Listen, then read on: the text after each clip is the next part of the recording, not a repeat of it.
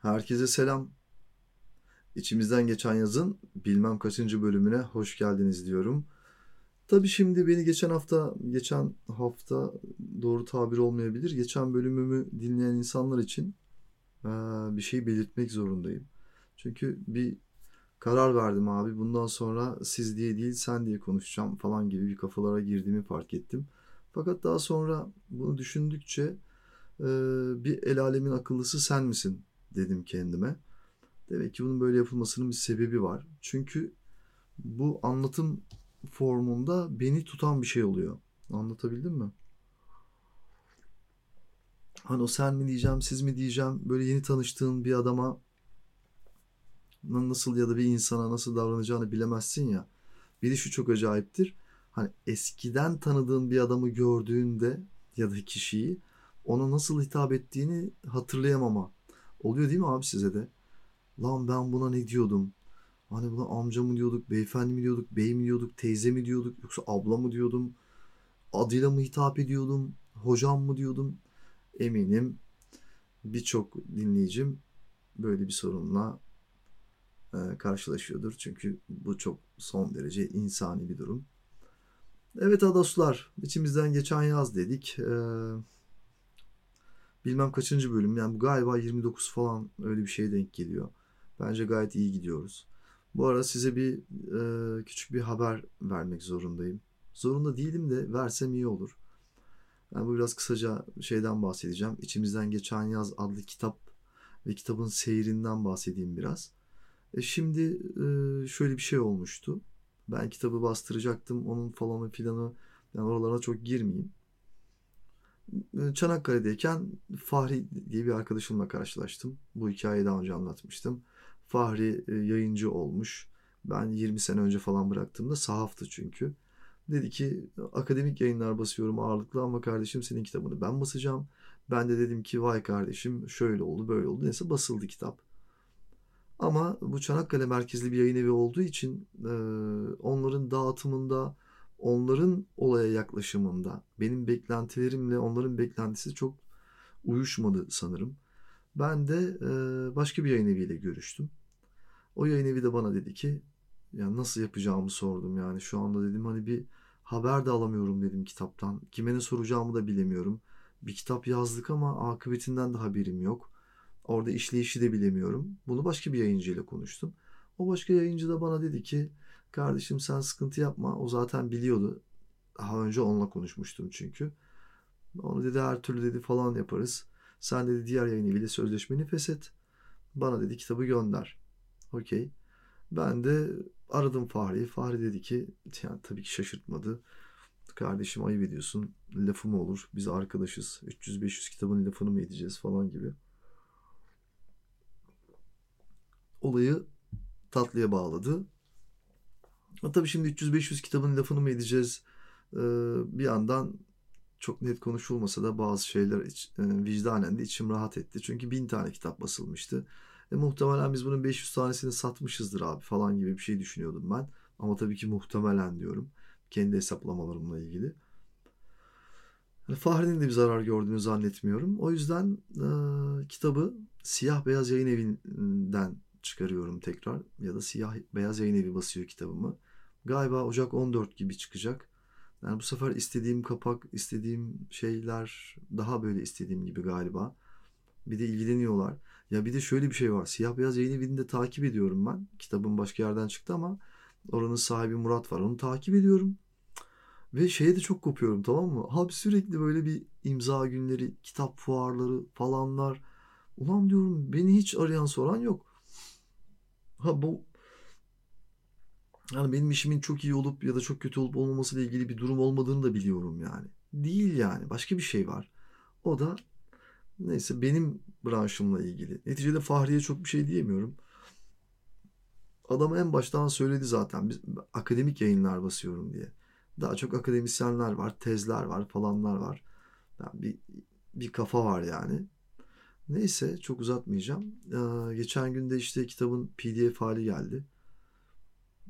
Ee, çünkü bana Murat dedi ki editöre ihtiyacın var mı? Ee, abi dedim ne olur baksın editör. editör daha önce editöre göndermemiştim ben ama neye denk geldiğini kitabın e, son PDF halini görünce şey oldum böyle. Hani nasıl söyleyeyim UFO gören köylü gibi oldum yani. Ha dedim. Tabii dedim ya böyle olmalı falan filan. Mer editör çok acayip bir işi çözüyormuş yani. O benim için çok iyi oldu yani bir yandan mutlu oldum. Yani temelde size de söyleyeceğim abi. Ee, ayın 15'i gibi. Zaten sen kafanı yorma ben buradan yardırırım yani. Şöyle oldu böyle oldu kitap çıktı falan. Yani şimdiden sen de hayal kurma yani. Ah bu herifin kitabı ne zaman çıkacaktı falan şuraya not alayım falan. O kadar üstüme gelmeyin abi. Neyse bu buna bir e, bir kısa açıklama ya da ön konuşma olarak kabul edersek temelde bugün size bahsedeceğim konulardan e, bir tanesi yani konu Orhan. Ben Orhan'ın beni dinlediğini düşünüyorum bir şekliyle. Beni dinlediği için de beni anlayacağını düşünüyorum. Ama gerçi Orhan'ın benden nefret etmek için ya da herhangi birinden nefret etmek için çok da böyle somut sebeplere ihtiyacı yok yani. Orhan işte. Size Orhan'dan bahsedeceğim. Ve Orhan beni tabii neye soktu, nelerle uğraştırdı. Orhan e, Doğu Beyazıtlı aşırı nevi şahsına münasır bir arkadaşımız. Her şeyden önce. Sonra manyak çünkü peşime düşmesin yani. peşime düşmesin diyorum yani. Düşün nasıl bir adam. Hiç öyle bir adam değil aslında da öyle yaşıyor biraz hayatı. Orhan benim Ömer diye bir arkadaşımın kuzeni. Ömer çok samimi bir arkadaşım. Onun kuzeni Orhan. Öyle tanıştık. Ben tanıştığımda Orhan içki işi yapıyordu. Burası çok ilginç. Tabii sevdik birbirimizi de. Orhan da ortamın bir nevi bir parçası oldu. O zaman atölye falan var bizim işte Ferit abilerin, Ferit abinin atölyesinde takıldığımız dönemler. Orhan'la da samimi olduk. Orhan da bana bir gün iş teklif etti. Gel dedi şu işi sana da öğreteyim sen de yap gibi. İş şu.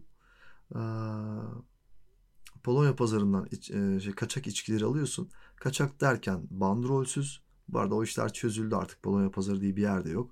Bu bahsettiğim 20 sene önceki belki daha eski bir mevzu zaten. O, Eminönü'nde, Eminönü'nün sırtlarında yani işte mercan yokuşu vardır böyle Fatih'e doğru giderken aradan yukarı çıkar. Eminönü'nün üstüne doğru çıkar. Kapalı çarşının falan ta üst tarafından geçen bir mercan yokuşu vardır. Mercan yokuşun devamında da bir tane Polonya pazarı vardı. Bilenler hatırlayacaktır. Bu bavulculuğun falan büyük koptuğu dönemler. Lale'de falan. Polonya pazarına da aklınıza gelebilecek bin bir türlü e, malzemenin olduğu.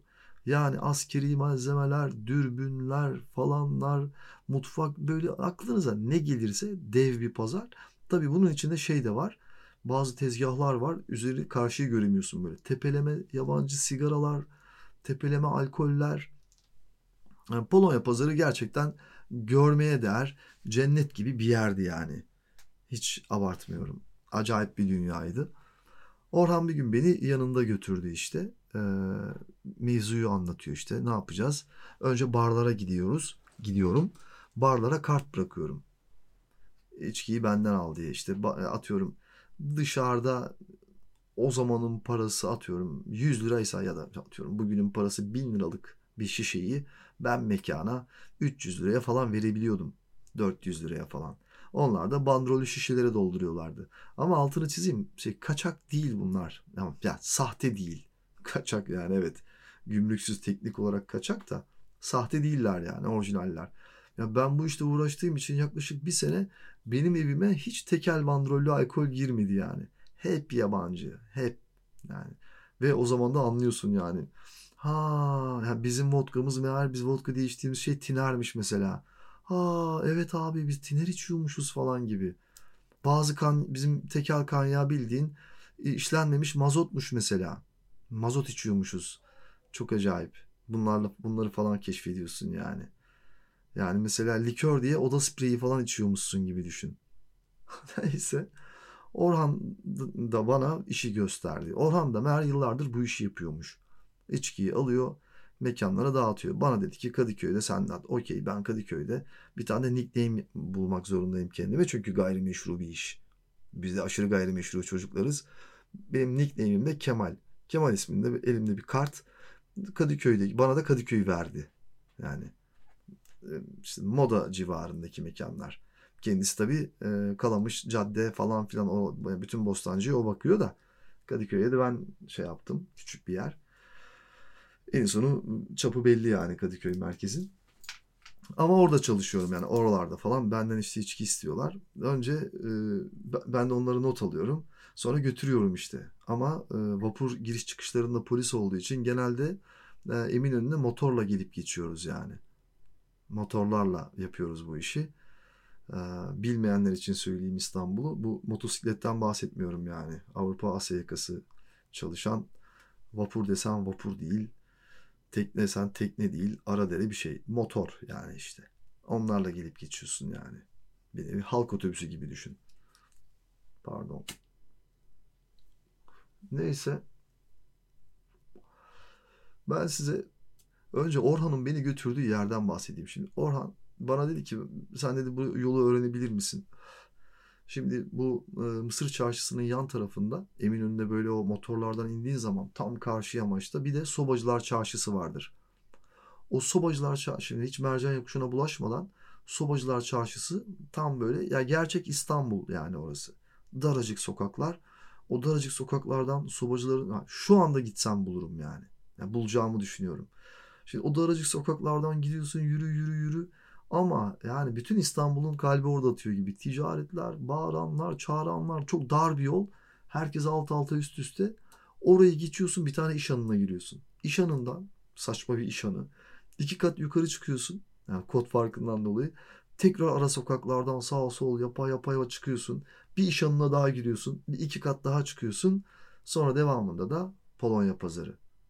İnanılmaz bir yoldu yani. Hani böyle bir şey. Ee, nasıl söyleyeyim?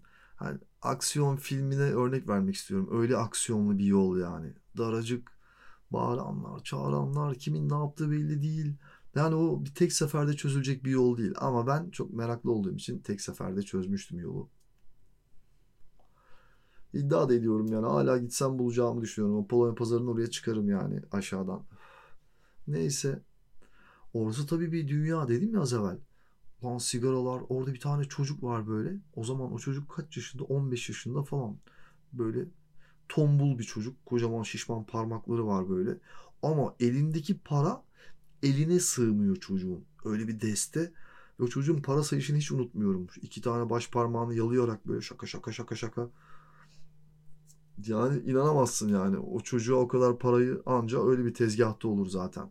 Ya çocuk tezgaha bakıyor muhtemelen babasının falan da. Ama o koca tezgah el kadar çocuk bakıyordu yani. Şişman bir olan.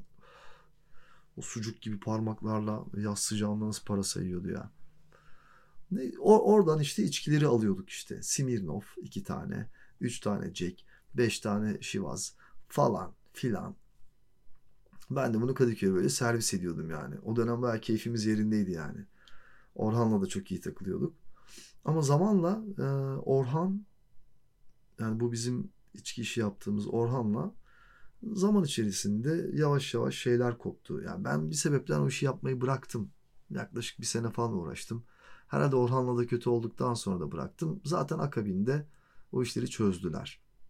O işleri çözdüler. Artık sanırım Polonya pazarı var mı? Varsa bile artık öyle bir sinema olduğunu zannetmiyorum orada. Zaten öyle bir şey kalmadı. Bavulculuk mevzusunu tamamen kapattılar, bitirdiler.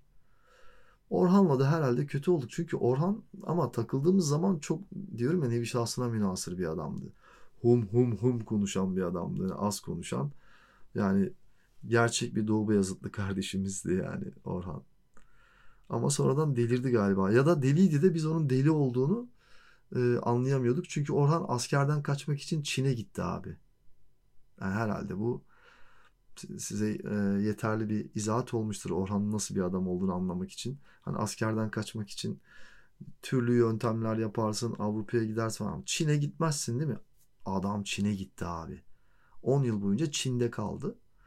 Çin'deyken arada Facebook üzerinden o dönem yazışıyorduk falan. Beni sürekli çağırıyordu. Kardeşim Şangun bilmem ne bir yer söylüyor. Çin'in böyle e, Orta Asya'ya yakın bir tane e, vilayetinde eyalet söylüyor bana. Ben oraya kadar gelecekmişim gerisini o halledermiş. Ya abi ben Çin'in bilmem ne eyaletine buradan uçağa bineceğim. Gerisi sorun değilmiş yani. Yeter ki oraya gide, git, gitmeliymişim. Orhan benle ilgilenecekmiş. Tabii zaman içinde biz çok şaşırdık. Orhan bir sürü Çince öğrendi. Biz Çince konuşurken görmedim ama öğrendiğini düşünüyorum 10 sene kaldığı için. Çinli arkadaşları vardı. Yani fotoğraflarından biliyoruz. Ve hepimizin kafası çok rahattı. Niye? Çünkü Orhan Çin'deydi yani. Kimseye e, bir zarar veremezdi. Kimsenin kafasını ağrıtamazdı. Gönül koyamazdı. Orhan Orhan böyle bir adam yani. İşte Orhan da tabii içki işi yaptığımız için içen de bir adam. Orhan da nerede oturuyor? Yel Değirmeni'nde, Yel Değirmeni'nin Söğütlü Çeşme tarafındaki dar sokakların birinde oturuyor. Onda da çok vakit geçirdik. Bunun da karşısında bir tane bunu anlatmamam için bana da o zaman söz verdirtmişti ama ben direkt anlattım yani. Öbür gün herkese anlattığım bir hikaye yaşattı bana. Bunun karşı kom e, bitişik kapı komşusu da dördüncü katta oturuyor. Bir tane e, o dönem 55 yaşlarında bir kadın. Hani bizden yaşça epey büyük yani. Bir kadın yalnız yaşıyor o da. Ee, ve Orhan'la e, mutfak karşılıklı apartman boşluğuna baktığı için mutfağın perdesi açıksa hemen karşında onu da görebiliyorsun. Kadının bunda hiçbir suçu günahı yok. Ben fırlamayayım ya, piçim ya ben. Orhan'ı tutacağım diye Orhan'la beraber Orhan'ın evinde içerken ben o değilden Orhan'a dedim ki yalnız dedim bu karşıdaki kadının da dedim sende bir gönlü var gibi dedim birader falan. Şimdi bu o kadar boş bir laf ki eğer bana şey dersen bu interaktif bir adam tutma yöntemi gibi yani. Sen bana dersen ki ya siktir git konu kapanır. Sen bana şey dersen ama yapma ya öyle mi düşünüyorsun? Abi yandın yani. Harbi mi diyorsun falan gibi şeyler gelirse bu sefer iş ona dönüyor yani. interaktif diyorum ya sonunu sen seçiyormuşsun gibi. Ben yani makara yapacağım adama seçenek sunuyormuşsun gibi düşün. Yani. Neyse ben Orhan'a dedim ki bu karşıdaki kadın da sanki moruk dedim hiç sana boş değilmiş gibi falan. Allah Allah öyle mi diyorsun ya falan dedi. Evet dedim birader farkında değil misin dedim. Şöyle oluyor böyle oluyor geçen şurada karşılaştık. Tamamen boş konuşuyorum ama. Yani, yani kadın yani, yani kadın beni affetsin yani. Ben tamamen boş konuşuyorum. İşte oğlum bence işte geçen de mutfakta bak karşılıklı perdeyi de kapatmıyor demek ki falan. E geçen seni görünce yüzü gülüyor kadının falan.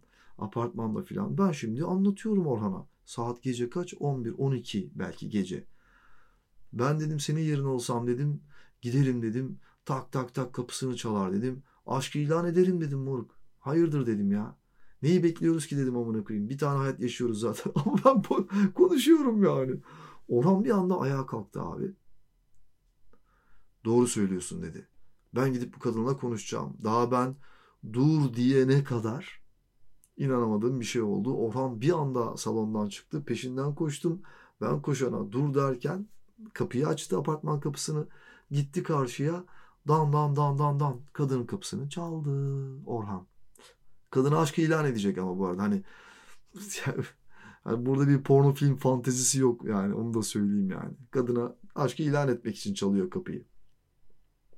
Ben tabii kendi bulunduğum evin içindeki kapının arkasına saklandım. Hemen dedim ki içimden boku yedik. Eyvah dedim ben paket olduk yani. Hiç ummadığım bir yere gitti herif. Yani bu makaraydı ya. Yani ben ne bileyim abi kapıyı çalacağını. Dan dan dan dan çaldı. Neyse arkadan böyle bir ses böyle bir kim o falan kadının korkak bir kadın sesi. Benim Orhan falan dedi bu. E, işte atıyorum e, Nurten Hanım işte benim Orhan falan. E, işte ne var Orhan falan şimdi kadın ne var deyince kapıyı böyle zincirle açtı. Ne var dedi. Ne var deyince Orhan'da nihayet jeton düştü. Kadın ne var deyince. E, kem dedi, küm dedi, apartmanın dedi, işte aidatı dedi, bir şey dedi. Tamam dedi, geri geldi. Kapattık kapıyı, kadın da kapattı. Ya dedim Orhan bunu nasıl yaptın oğlum falan. Ya birader işte ya derken abi bizim kapı dan dan dan dan çalınmaya başladı mı? Ah dedim ya. Tabii ki dedim yani. Bu sefer Orhan zincirle açtı. Orhan da tehlikeyi fark etti. Az önce kadının yaptığı gibi bu sefer Orhan kim o falan dedi. Kadın zincirle açtı. Kadın dedi ki ben de kapının arkasındayım çünkü duyuyorum hemen yakınımda. Evde dedi erkek arkadaşım vardı dedi. Çok merak ediyor dedi. Senin dedi kapıyı niye çaldığını dedi. Anlamak istiyormuş dedi ne olduğunu dedi. Bana söyler misin kapımı niye çaldın? Tabii Orhan renkten renge girdi bu sefer. Beyaza kesti. İşte ben aidat içinde su faturası, apartmanın kem küm falan. Kadın tabii dam diye kendi kapısını çarptı gitti. Sonra kadın taşındı oradan. Ya önce mi Orhan? Yok önce o kadın taşındı galiba. Ama yani haklı bu arada. Orhan böyle fevri de bir adam yani. Hani şey kontrolsüz yani. Tabii ben bana dedi ki bunu kimseye anlatmayacağını söz ver falan. Ya dedim oğlum bunu nasıl anlatmayacağım? E senin yüzünden oldu. Ya dedim birader bana anlattıklarım da bana küfrediyor. Sen işte orospu çocuğu işte gittin adamı falan. Lan oğlum ben evet ben yapıyorum bunu ama ben tut, boş muhabbet ediyoruz. Ne konuşacağım abi Orhan'la? Kuantum fiziği mi konuşayım? Orhan böyle işler yapan Doğu Beyazıt'ta büyümüş. Abileri İstanbul'da Tahtakale'de işte Çin'e gitme sebebi abileri böyle oradan eşya getirip Tahtakale esnafı olan bildiğin Doğu Beyazıtlı falan bir adam ne konuşacağım? Boş muhabbet ediyorum işte yani onu tutuyorum yani. Ne anlatayım abi adama? Orhan Veli Kanık mı konuşacağız? Neyse. Orhan Veli Kanık mıydı ya o? Ha Sait Faik Avasyanık'la Orhan Veli Kanık'ı karıştırdım. Orhan Veli Kanık'ı da Orhan Veli Kanık dediğim için karıştırıyorum. Yani genelde soyadıyla söylenmez ya. Kendi kendimi tufaya düşürdüm ya. Tabii şimdi ben herkese anlattım. Çok güldük yani Orhan'ın bu durumuna. Ama tabii bu bir yandan bir şeyin de göstergesiydi yani. yani hepimiz bir yandan da endişelendik. Ulan dedik bu herif hakikaten yani sınırı yok yani adam bir dengesiz yani. Bir gün bana geldi. Dedi ki birader hiç keyfim yok falan. Ne oldu lan? Abi işte soyuldum geçen gün. Nasıl soyuldun lan? Cüzdanımı çarptılar. Nasıl çarptılar oğlum falan? Ya işte birader ama kimseye anlatmak yok falan. Lan dedim oğlum bir anlat bakalım nasıl oldu yani. Bunun anlatmamak ne alakası var dedim yani. İnsan dedim hani bu utanılacak bir şey mi abi? Çarpılmışsın yani işte. Dur dedi anlatayım falan. Bu Bostancı'da mekandan çıkıyor. Bunu şimdi şöyle bir durum var. Bu işin şöyle bir e, avantajı var. Bu içki dağıtma mevzusunun. Bana da çok oluyordu. Sen şimdi içkiye böyle on, içkiyi o yarı fiyatına belki daha az fiyatlara getirdiğin için çok kaliteli içkileri genelde mekancılar seni bırakmazlar. İlla otur bir şey iç. İçkiyi de sen getirdiğin için ne içmek istersin yani? Viski, vodka, kanyak falan. Bu böyle bir durum var. Seni tutar mekancılarla aran iyiyse. Beni de çok severlerdi bir sürü mekancı. Orhan'ı da bir yerde tutuyorlar Bostancı'da. O, o da içiyor, sarhoş dışarı çıkıyor. Dışarıda da böyle. Orada sokak çocukları var. E dedim. Orhan'a diyorlar ki falan oldu filan. Orhan diyor ki ben de Doğu Beyazıtlıyım oğlum diyor. Gecenin vakti. Çocuklardan bir tanesi inanmıyor Orhan'ın Doğu Beyazıtlı olduğuna.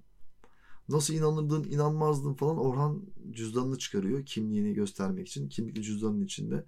Nasıl inanmıyorsun oğlum al bak deyip çocuğa cüzdanını veriyor. Çocuk da cüzdanı eline almasıyla beraber pır. Orhan koşuyor moşuyor falan ama hikaye yani. Tabii ben gülmekten yerlere yattım. Dedim Orhan sen dedim oğlum dolandırılmamışsın ki sen çarpılmamışsın. Sen dedim bayağı dedim eline dedim cüzdanı vermişsin dedim. E, o yüzden kimseye anlatma diyorum dedi. Abi Orhan ya. Yani bir gün aradan yıllar geçti. Ya benimle çok görüşmek istedi. Ya ben de çok görüşemiyorum. Orhan oldu olası bir şekilde bir kompleksi vardı Orhan'ın. İşte bizim ortamımıza giremediği, işte kendisinin hep dışlandığı ile ilgili bir algısı vardı. Ee, aslında bu algıda olmasa hiç böyle bir şey olmayacak. O algı birbirini doğuruyor yani. Orhan bu konuyu o kadar büyütüyordu ki kimse görmek istemiyordu Orhan'ı bir yerden sonra. Ama sebebi temelde bu yani. Orhan buna inanıyor ve bunun sana tribini de yapıyor. Yüzüne yapıyor, geliyor söylüyor falan yapıyor. Neyse Orhan ıı, Çin'den döndü. Bizim tabii bir dönem çok samimi olduğumuz için Kadıköy'de o eski ortamı bulacağını falan düşündü. Ama o 10 sene Çin'de yaşadığı için 10 sene içinde biz de ağaç kovuğunda büyümedik. İstanbul'da da bin tane ortam değişti. Dengeler değişti, ortamlar değişti, arkadaş grupları değişti. Tabii Orhan geldiğinde aradığını da bulamadı. Hepimize tek tek ayrı ayrı şu bu yazıldı. Beni de çok darladı ama ben uzadım. Ben buraya gelmiştim zaten son dönemde. Bir gün bana bir mesaj abi. Instagram'dan ama ne küfürler. Bana diyor ki Orhan sen işte nasıl adamsın sen nasıl adamsın ki Anamur'da diyor mesaja bak şimdi. Benim Anamur'la da bir alakam yok bu arada ben taş ucundayım. Anamur'daki yörüklere diyor e, benden bahsedersin sen diyor.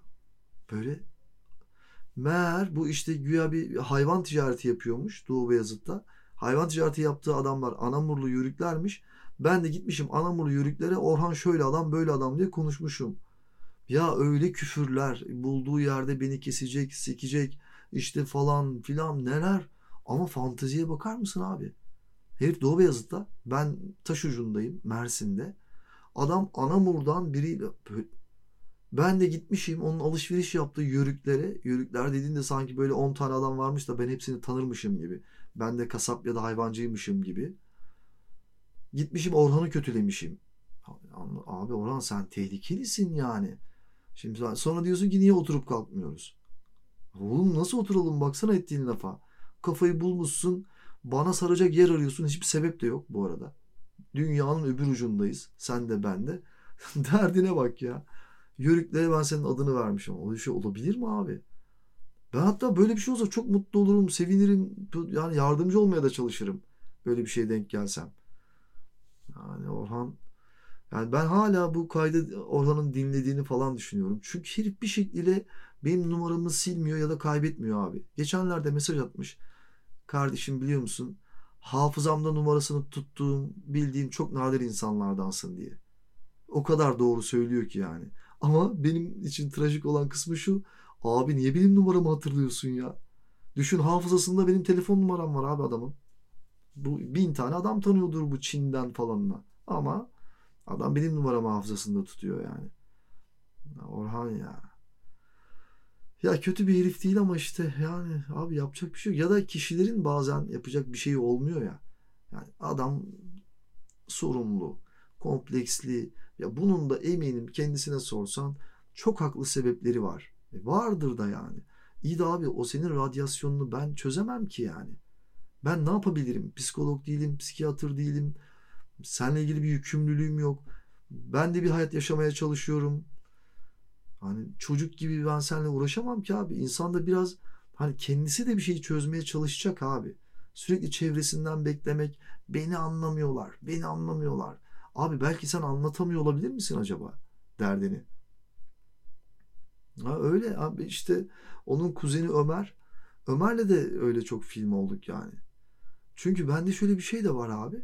Hani bir şeyi bana bir kere anlatıyorsun derdini. Bu bir kere yani değil mi? Tabii ki ben de insanım. ilgileniyorum.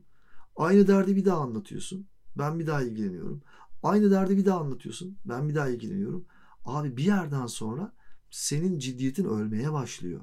Ben şunu düşünmeye başlıyorum. Abi bir dakika ya herif bunu çözmeye çalışmıyor. Baya bundan besleniyor yani adam. Adamın konusu bu, gündemi bu. Konuşacak başka konusu yok. Bu sefer ne oluyor abi? Aynı konu arkadaşsan dalga geçilen bir konuya dönüşüyor. Senin de çok ciddiye aldığın konu. Bu sefer de eşine, dostuna, arkadaşına kurulmaya başlıyorsun. Normalde aslında kimse ilk seferde 2'de, 3'te, 4'te, 5'te o sorunu yadırgamıyor aslında. Ama tabii herkes yardımcı olmaya çalışıyor, akıl veriyor, şöyle yap şu. Ama abi sen hiçbir şey yapmıyorsun ki. Sen aynı kafada dönüp duruyorsun. Bu sefer de işte arkadaşların kötü oluyor. Ya bunu Ömer ya da Orhan için söylemiyorum ama bu arada. Bu başka bir yere gitti aklım yani. Genel bir şey söylüyorum yani. Bu çünkü genel bir insan sorunu. İşte Orhan böyle bir adam ders alın siz öyle bir olmayın gibi değil yani. Orhan'dan çok var. Çok fazla var yani. Orhan böyle acayip bir adam abi. Bir ayağı Çin'de bir ayağı Doğu Beyazıt'ta. Ama en son Doğu, Doğu Beyazıt'ta diye duydum yani. Ama zor bir insan Orhan. Gerçekten zor. Dedi, diyorum ya nevi şahsına münasır. Gerçekten nevi şahsına münasır bir adam. Yani insan ilişkileri falan çok acayip yani. Zor. Ve ben de kafa yapıyordum abi tabii yani. Yapmayayım mı ya? Bir gün dedi ki Ferit abi, Ömer, ben, Orhan konuşuyoruz. Ferit abi dedi ki Ferit abi dedi ben de dedi resim kursuna e, senden resim kursu almak istiyorum. Resim bölüm sınavlarına gireceğim dedi Orhan. Sonra döndü bana baktı hani ne diyorsun der gibi. İyi oğlum gir okula da evi boyatayım dedim ben de. Tabii Ömer yerlere yattı falan gülmekten. Ben de makarasını yapıyordum ama o benim sarkastik üslubumdan da kaynaklanıyor yani. Ben beni seven zaten ya bundan sever ya da bundan sevmez. Ben de lafımı esirgemem yani. Söyleyiveririm. Orhancığım bu kaydı dinlersen eğer dinlediğinde seni sevdiğimi bil. Ama bazı ilişkiler kardeşim uzaktan daha güzel yani. Bak anlatacak konumuz oluyor. Yani dostlar hepinizi çok öpüyorum. Daha aslında Ömer'den de bahsedeceğim. Ömer çok daha derin bir konu. Ama önce Orhan'dan bahsedeyim dedim. Kaçak içki mevzusundan. Ha kaçak içki demişken Sakız diye bir mekan vardı modada. Onlar beni çok severlerdi. Beaumont, Beaumont'ye böyle inerken hemen solda. Şimdi de orası bir mekan ama adı Sakız değil herhalde. Orada da Bülent Ortaçgil, Erkan Oğur falan çalıyordu. O zamanlar efsaneydi abi. Onları yakından dinliyordum çünkü. Beni bırakmıyorlardı. Efsoydu ya. İçkiler benden beyler. Kemal deyip beni arayacaksınız. İçkilerin her türlüsünü getireceğim yani. O iş bende. Hepinizi çok öpüyorum.